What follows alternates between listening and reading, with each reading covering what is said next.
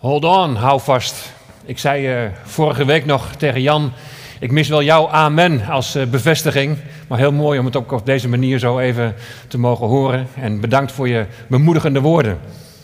We gaan samen lezen uit de Bijbel. 1 Thessalonicensen 4, vers 13 tot en met 18.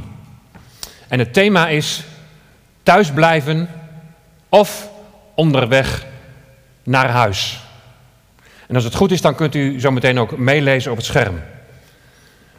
We lezen vanaf vers 13. Maar ik wil niet, broeders, dat u onwetend bent ten aanzien van hen die ontslapen zijn.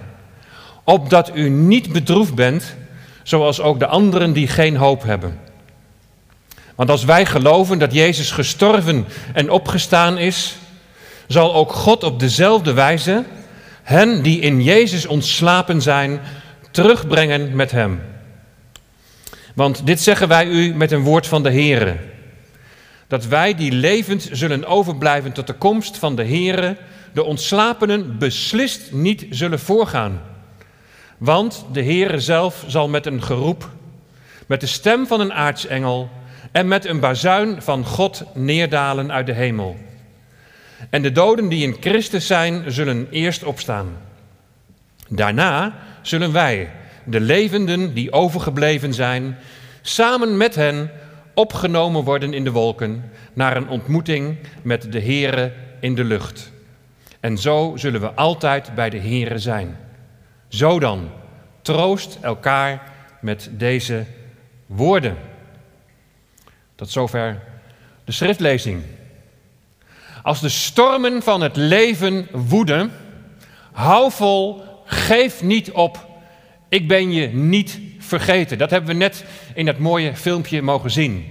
For I will lift you out of the darkness. Ik zal je uit de duisternis tillen. En dat is eigenlijk ook de boodschap van vanmorgen. Daar gaat ook ons schriftgedeelte vanmorgen over. Er uitgetild worden.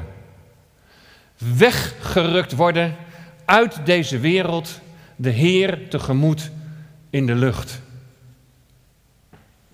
En dan is de vraag: blijf je dan thuis? Blijf je achter hier in je aardse huis?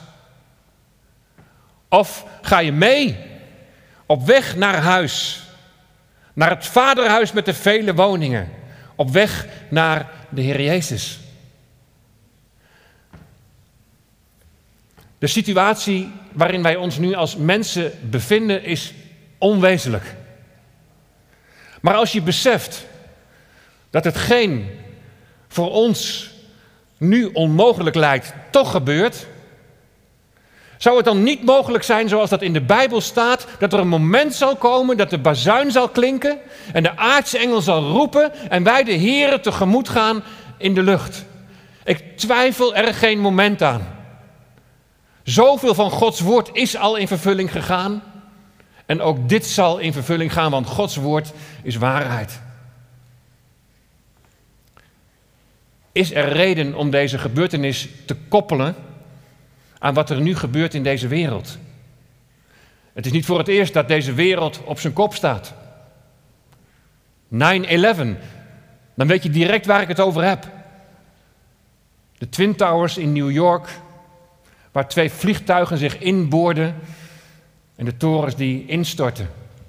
Ik weet nog precies waar ik was op dat moment en jij misschien ook wel, tenminste als je voor 2001 bent geboren. Het duurde maar even en het werd al profetisch geduid.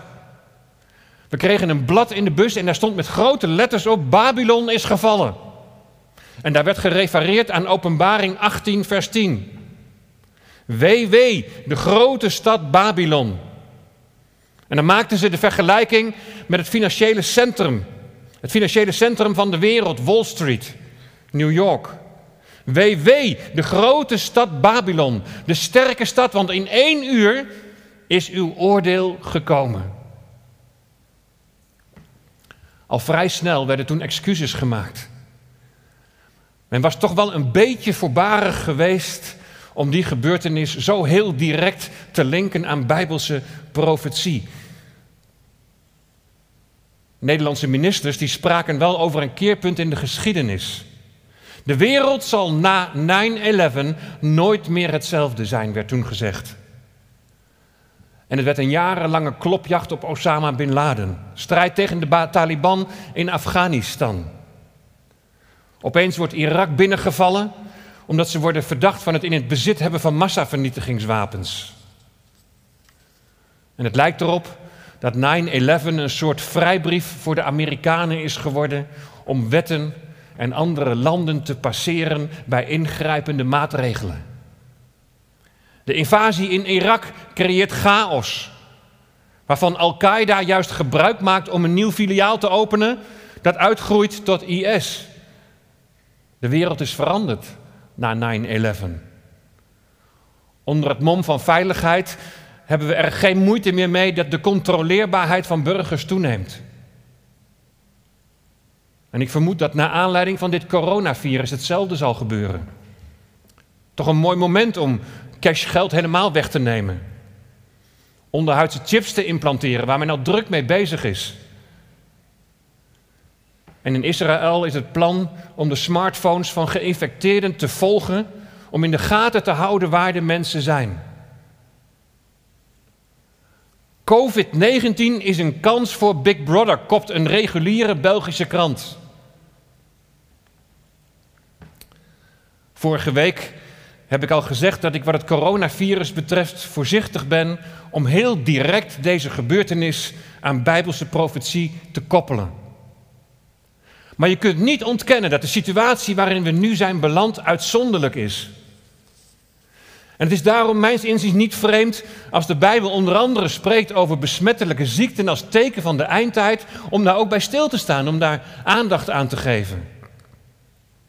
En misschien is het niet op dit moment letterlijk die wee zoals die wordt genoemd in Matthäus 24. Net zoals de dreiging van Turkije, Iran en Rusland richting Israël in dit stadium nog niet direct de vervulling is van Ezekiel 38. Daar hebben die landen nog een oude naam. Maar, maar even tussendoor.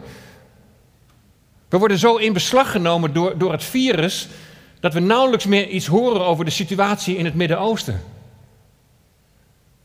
In Syrië, daar worden de door Iran gesteunde milities, die worden keihard getroffen door het virus. Wat een sterke vermindering van hun activiteiten oplevert. Hetzelfde geldt voor de Hezbollah in Libanon, een land dat bijna failliet is. Strijders die veel besmette leden hebben, omdat er intens contact is met de Iraniërs die hun eigen coronacrisis hebben. Het is maar de vraag in hoeverre de gehavende economie van Iran door sancties deze klap te boven komt. Ze zullen daardoor steeds moeizame terroristische groeperingen kunnen financieren die het bestaan van Israël bedreigen. Is dat goed nieuws of, of gaat een kat in het nauw rare sprongen maken? We leven in bijzondere tijden. Het virus het is dan misschien niet direct de wee zoals die in Matthäus 24 staat, of een Bijbelgedeelte als Ezekiel 38 kun je dan misschien nog niet heel direct koppelen aan wat er nu gebeurt in het Midden-Oosten.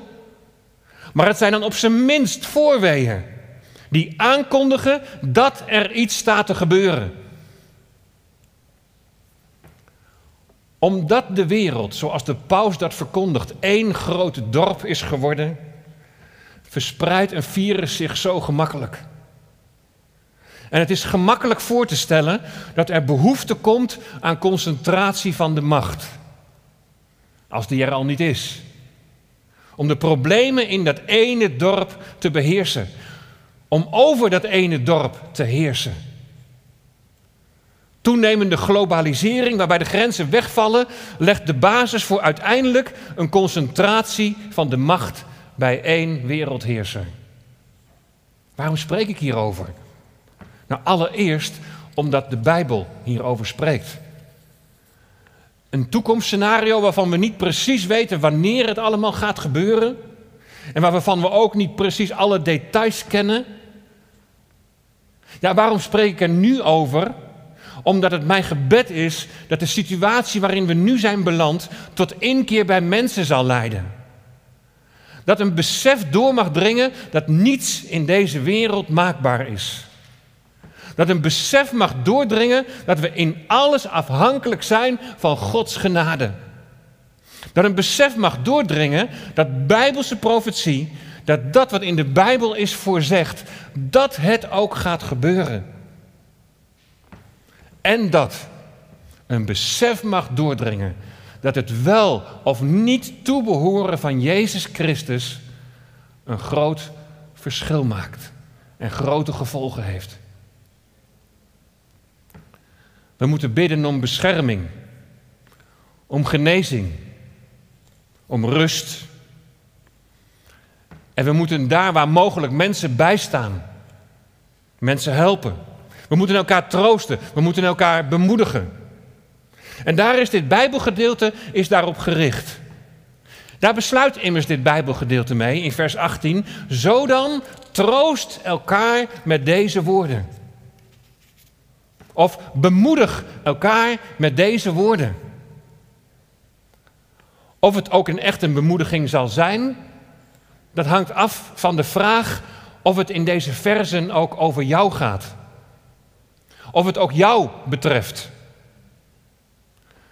Het gaat hier namelijk in dit Bijbelgedeelte over mensen die in Christus zijn. Die Jezus Christus toebehoren. Deze brief die is geschreven aan gelovigen. Gelovigen in Thessalonica, het huidige Saloniki. En in het eerste hoofdstuk, daar kun je lezen dat ze het woord, dat ze het evangelie, dat ze Jezus Christus hebben aangenomen als hun redder en verlosser. En er staat erbij, te midden van veel verdrukking. Christenen worden vervolgd om hun geloof in de Heer Jezus Christus. In hoofdstuk 3 kun je lezen dat daarom Timotheus is gestuurd. Om de gelovigen te versterken, om ze te bemoedigen. Opdat niemand in verwarring gebracht zou worden in deze verdrukkingen. Zo staat het er. Als je verder leest in deze brief, dan zie je dat God deze verdrukkingen niet wegneemt. Er staat zelfs dat gelovigen daartoe bestemd zijn. Daarin volgen ze immers hun Heer en Heiland naar. Er zijn er zelfs die worden gedood. De christenen in de eerste eeuw staan behoorlijk onder druk. Als de stormen van het leven woeden. Hoe kun je mensen dan bemoedigen? Hoe doet Paulus dat bij de gelovigen in Thessalonica? Midden in de strijd, de tegenslag, de vervolging, geeft hij nadat hij eerst benadrukt heeft hoe belangrijk het is om een heilig leven te leiden, een lijden toegewijd aan God, geeft hij als het ware een, een vergezicht over datgene wat straks in de toekomst zal gaan gebeuren. Een vooruitblik naar wat komen gaat. Je herkent dat toch wel? Dat je iets hebt om naar uit te zien, dat het lijden in de tegenwoordige tijd wat draaglijker maakt. Als je het einddoel voor ogen hebt, dan, dan komt je leven in ander perspectief te staan. Dan is die nood niet ineens weg. Dat betekent ook niet dat je er niet meer onder lijdt, maar er is iets groters dat je staande houdt. Waar verdriet is, waar lijden is, waar de stormen van het leven woeden, daar heb je hoop nodig. En voor de duidelijkheid, bijbelse hoop betekent niet van nou, misschien dat het wel zou kunnen gebeuren, maar bijbelse hoop betekent zekerheid. Je hebt hoop nodig om te weten dat het uiteindelijk goed gaat komen. Nou ja, over een tijd zal deze virus wel overwaaien. Maar er kan zomaar weer wat anders volgen. Dus, dus je hebt een hoop nodig die niet afhankelijk is van je omstandigheden, van alles wat je kan overkomen. Maar je hebt hoop nodig die reikt over de grens van nood en lijden en tegenslag en zelfs dood heen. Die hoop die reikt Paulus hier aan. Er is verdrukking, er ontslapen, er sterven zelfs geliefden. En nu zegt Paulus, dan moeten jullie het volgende weten, omdat jullie niet bedroefd zullen zijn zoals de mensen die geen hoop hebben. Heb jij nog hoop De gevolgen van deze crisis die, die kunnen immens zijn. Je kunt flink ziek zijn en misschien niet super gezond. Welke kant gaat het op? Er zijn nu al mensen die er economisch gezien aan onderdoor gaan. Die het niet zullen redden ondanks de steun van de overheid. Het zijn moeilijke tijden. Hoe ga je om met je, met je omstandigheden?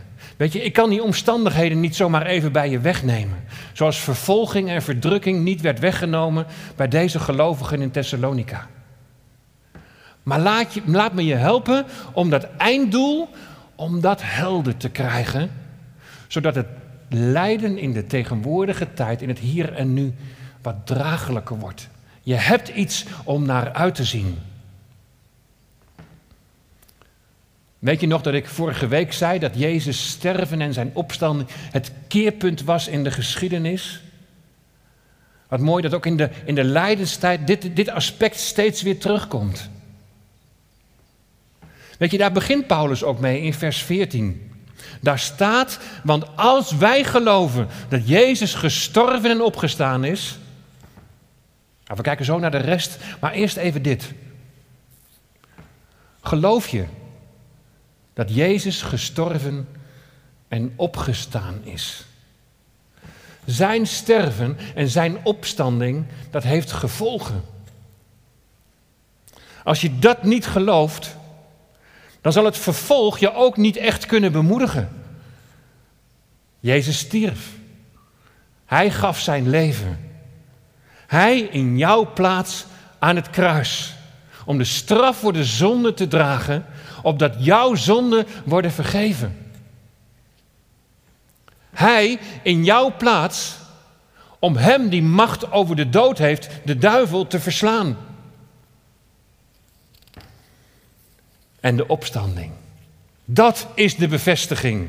Dat de macht van de zonde, met alle gevolgen van dien, en dat de dood is verslagen. Als je gelooft dat Jezus is gestorven en opgestaan. En dan komen we bij het tweede gedeelte. Dan moet je weten dat God op dezelfde wijze, door dood en opstanding, hen die in Jezus ontslapen zijn, terugbrengt met Hem.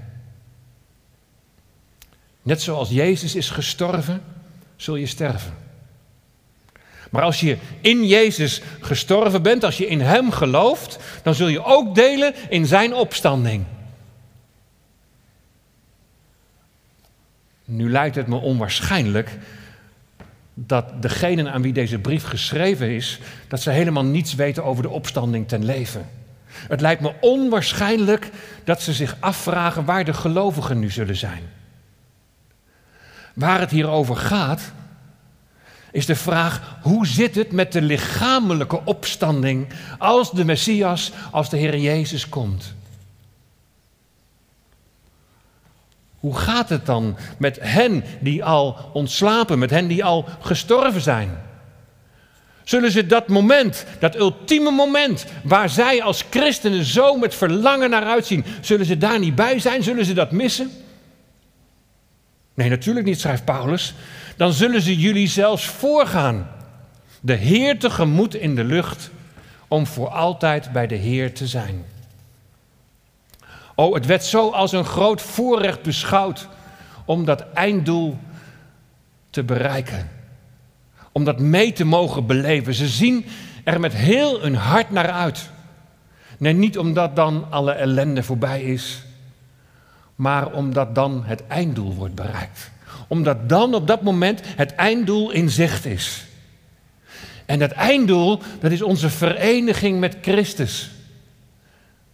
Onze vereniging met Christus die alles in de hemel en op de aarde weer bijeenbrengt, weer zal herstellen.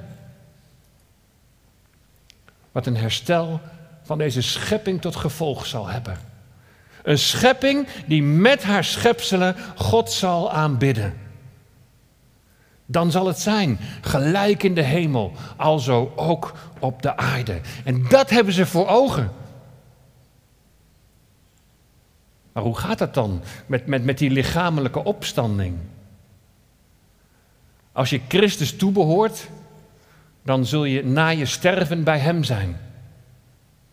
Als je daar meer over wilt horen, dan moet je de preek van 8 september met als titel Waar ga je heen? nog maar eens beluisteren. Kun je zo vinden op de website. Dan klik je op prekenseries en dan naar de serie Uw Koninkrijk komen. Nou, je sterft en dan ben je bij de Heer, maar je lichaam blijft achter. Je lichaam vergaat tot stof. Waar het in 1 Thessalonicense 4, vers 14 over gaat, is de opstanding van je lichaam. In 1 Korinthe 15 kun je daar uitgebreider over lezen. In vers 35 wordt de vraag gesteld: hoe worden de doden opgewekt? En met wat voor lichaam komen zij? En dan staat er in vers 44 dat er een natuurlijk lichaam wordt gezaaid, die wordt in het graf gelegd, en een geestelijk lichaam wordt opgewekt. En dat geestelijke lichaam is volmaakt. En dat geestelijke lichaam is perfect. Geen ziekte, geen corona. En wanneer vindt volgens 1 Korinthe 15 die verandering plaats? In een ondeelbaar ogenblik. In een oogwenk. Bij de laatste bazuin. Immers, de bazuin zal klinken en de doden zullen als onvergankelijke mensen opgewekt worden en ook wij zullen veranderd worden. Ook hier gaat het over de doden en de dan nog levenden. En ook als de bazuin zal klinken, net als in 1 Thessalonicense 4. Laten we nog eens even goed lezen en het op ons in laten werken wat, wat er in 1 Thessalonicense 4, vers 16 en 17 hierover staat. Want de Heere zelf zal met een geroep, met de stem van een aartsengel en met een bazuin van God neerdalen uit de hemel. En de doden die in Christus zijn, zullen eerst opstaan. Dus allereerst een roep. En het woord dat voor geroep gebruikt wordt, dat is de bevelsroep van een officier. En de twee andere beelden, de aartsengel en de bazuin, die horen ook bij die krijgstaal. De aartsengel, daar zal Michael mee worden bedoeld. En de aartsengel Michael is een strijder voor God. Je kunt het lezen in Daniel, in Openbaring. En in het Oude Testament werd de bazuin het signaal gegeven tot het bijeen verzamelen van de krijgslieden. En die laatste bazuin, zoals die in 1 Korinthe 15 wordt genoemd, is de afmarcheerbazuin. Voorwaarts mars. We gaan op weg, de Here tegemoet in de lucht. Blijf je dan thuis, blijf je dan achter? Of ga je mee op weg naar huis? Om voor altijd bij de Heer te zijn. Jezus Christus wel of niet toebehoren heeft grote gevolgen. Net in vers 16 zagen we eerst de lichamelijke opstanding voor hen die al ontslapen zijn. Maar dan lezen we in 17, daarna zullen wij, de levenden die overgebleven zijn, samen met hen opgenomen worden in de wolken naar een ontmoeting met de Here in de lucht. En zo zullen we altijd bij de Here zijn. We worden dus opgenomen, snel weggenomen, we worden weggerukt van deze aarde. We worden opgenomen in de wolken. Het is de eerste opstanding waarbij je een verheerlijkt, een geestelijk lichaam zult ontvangen. Maar dan ontstaat er een discussie over het woordje ontmoeting. Hoe, hoe zit dat nou precies? Het Griekse woordje wat voor de ontmoeting wordt gebruikt, dat duidt eigenlijk aan dat je de stad verlaat, dat je op weg gaat naar iemand die heel belangrijk is, meestal een vorst. En in dit geval is het dus de Messias. Je gaat de stad uit op weg naar de Messias. Je hebt een ontmoeting met hem. En direct ga je weer terug naar de stad. Geleid je de koning als het ware naar de stad weer terug. En dat geloof ik ook. Maar ik geloof niet dat dat teruggaan direct zal zijn op het moment van de ontmoeting. Daarom zei ik, als dit gebeurt is het einddoel in zicht. Maar het is nog niet zover. Als wij de Heer tegemoet gaan, komt de toren van het lam komt over deze aarde. Lees maar vanaf Openbaring 6. Als je leest wat daar nog allemaal gaat gebeuren, daar is het coronavirus niets bij. Er zal een grote verdrukking aanbreken, wat ook wel een tijd van Jacobs benauwdheid wordt genoemd. Een periode van weeën en weeën en weeën. En door die weeën heen is het doel dat God zijn volk Israël tot bekering en wedergeboorte brengt. En dat er een nieuw volk tevoorschijn zal komen. De gelovigen uit de Joden en de gelovigen uit de heidenen. Dat zijn wij die beleiden dat Jezus Christus Heer is, dat Hij Messias is, die zijn dan weggerukt, opgenomen. Zouden wij die, die in Christus zijn, getroffen worden door de toren van het lam van de Heer Jezus Christus? Dan moet je even doorlezen in de brief aan de Thessalonicenzen in 5, hoofdstuk 5, vers 9. Want God heeft ons niet bestemd tot toren, maar tot het verkrijgen van de zaligheid door onze Heer Jezus Christus. Zien, wij, of zie jij, net als de broeders en zusters in Thessalonica, uit naar dat moment van de opstanding. Het verkrijgen van dat geestelijke lichaam. Zie je net als de gemeente toen uit naar het moment dat de bazuin zal klinken en de aartsengel zal roepen. En dat we Hem tegemoet gaan om voor altijd bij Hem te zijn. Dat is ons vooruitzicht. Niet omdat je het leven niet meer aan kunt. Niet omdat je het nu gezien de omstandigheden misschien wel goed uitkomt. En dat uitzien naar Hem betekent ook niet dat je niet mag genieten van het leven nu. Van wat God je geeft. Maar heb je het einddoel voor ogen? En dan gaat het niet om ons, het gaat om Gods eer. Als straks alles in de hemel en op de aarde in Christus hersteld zal worden, zal de schepping, inclusief Gods kinderen, zullen jubelen en juichen voor haar schepper. Ze zullen God aanbidden. Dan zal God de aanbidding krijgen die hem toekomt. Wat zien we daar weinig van, tot niets in de wereld om ons heen. God wordt niet aanbeden, sterker nog, de mens wil zelf God zijn. De mens wil zelf beslissen over zijn leven, over levenseinde. Of dit nu in de moederschoot is, of later als men het leven als voltooid beschouwt. We gaan verkeerd om met deze gegeven schepping. We putten haar volledig uit om onze welvaart op peil te houden. Gevolg van de seksuele revolutie is dat alles wat God niet zo bedoeld heeft op het gebied van relaties, dat het als ideologie wordt verheven. In navolging van Daniel wil ik dan zeggen, Heer, wij hebben gezondigd. Is dit niet de tijd om tot inkeer te komen? Om je voor God te verootmoedigen? Oh, het coronavirus zal weer overwaaien. Maar blijven we volharden in machtswellust, ikgerichtheid, materialisme, individualisme, morele onreinheid? Ik moet eerlijk zeggen dat van al deze dingen ook bij mij sporen aanwezig zijn. En als ik niet oppas, gaat het virus zich, zich verspreiden en vermenigvuldigen en steek ik daar zomaar anderen mee aan. En daarom heb ik Gods genade nodig. Daarom heb ik Jezus nodig om vergeving te ontvangen. Daarom heb ik Gods geest nodig.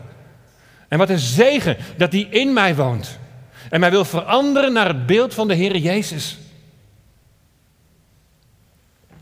Maar dat gebeurt alleen als je echt je toevlucht zoekt tot Hem. Als je leeft in afhankelijkheid van de Heilige Geest in jou. Laten we ons keren tot de Heer en lering trekken uit de situatie waarin we nu zijn beland. Vanaf nu de dingen bedenken die boven zijn. Niet gericht zijn op jouw plannen en jouw idealen, maar dat jouw plannen en jouw idealen ondergeschikt zullen zijn aan Gods verlangen, aan zijn plan, aan zijn ideaal. Heren, uw wil geschieden. Gelijk in de hemel, zo ook op de aarde. Want als dat zo is, dan zie je oprecht met vreugde uit naar die dag die komen gaat. De dag dat de bazuin zal klinken. Troost en bemoedig elkaar met deze woorden. Woorden van eeuwig leven die ver uitstijgen boven nood en dood. En dan kun je vrolijk en blij zingen. Een lied dat de kinderen ook kennen. We zullen opstaan en met hem meegaan straks als Jezus terugkomt. Als de bazuin klinkt, waar zul jij dan zijn? Blijf je thuis zoals we nu thuis moeten blijven? blijf je achter in dit aardse huis? Of ga je onderweg naar huis? Het vaderhuis met de vele woningen. En zul je een verheerlijk lichaam ontvangen en God aanbidden. Als de stormen van het leven woeden, hou vol. Geef niet op, ik ben je niet vergeten. For I will lift you out of the darkness. Ik zal je uit deze situatie, uit deze duisternis tillen. Wat een vooruitzicht. Als je Jezus Christus niet kent, roep Hem dan aan en erken dat Hij de Zoon van God is. Dat Hij naar deze aarde is gekomen om zijn leven te geven, om jouw zonde te vergeven. Dank daarvoor. En dank Hem, als je dat gelooft, dat je mag delen in Zijn opstanding. En dat je straks erbij mag zijn op dat geweldige moment als de bazuin zal klinken. Zullen we samen bidden? Hemelse Vader, we komen tot U om U te danken voor deze woorden van troost en bemoediging. Het neemt niet direct de moeilijke omstandigheden op dit moment weg, maar te, te weten van die heerlijke toekomst en gericht te zijn op dat einddoel, dat in U, Heer Jezus Christus, alles hersteld zal worden. Wat is dat iets om naar uit te zien? Dat U eindelijk de aanbidding zult ontvangen die U toekomt. Heere Jezus, maak ons gereed. Heilige Geest, werk in ons en verander ons naar het beeld van de Heer Jezus. Dat we steeds meer op Hem mogen gaan lijken. Heer, dat we lering zullen trekken ook uit de dingen die nu gebeuren. Dat we onze ik-gerichtheid terzijde zullen leggen. Heer, we willen ons verootmoedigen voor U. Heer, reinig ons. Heer, reinig ons land. Heer, wij hebben gezondigd. Maar we zoeken onze toevlucht bij U. Onze hoop en onze verwachting is op U alleen. O Heer, wat is het de genade dat U naar ons toegekomen bent in Uw Zoon. Dat U ons hebt vrijgekocht. Dat U ons hebt gemaakt tot een nieuwe schepping. En ik bid zo dat ieder die op dit moment meeluistert en nog niet die zekerheid in het hart heeft, dat op dit moment mag ontvangen. Wilt u werken door de kracht en werking van uw Heilige Geest? En wilt u uzelf openbaren? Wilt u laten zien wie u bent? En dat er maar één weg tot redding is. U, Heer Jezus, u bent de weg, de waarheid en het leven. En niemand komt tot de Vader dan door u. Heer, wees met ons in deze tijd. Dat we onze knieën mogen buigen voor u. Heere, kom zo tot uw doel. Heer, we willen opstaan en met u meegaan als straks die bazuin klinkt. Bedanken u voor dat heerlijke vooruitzicht. Geprezen zij uw naam. Amen.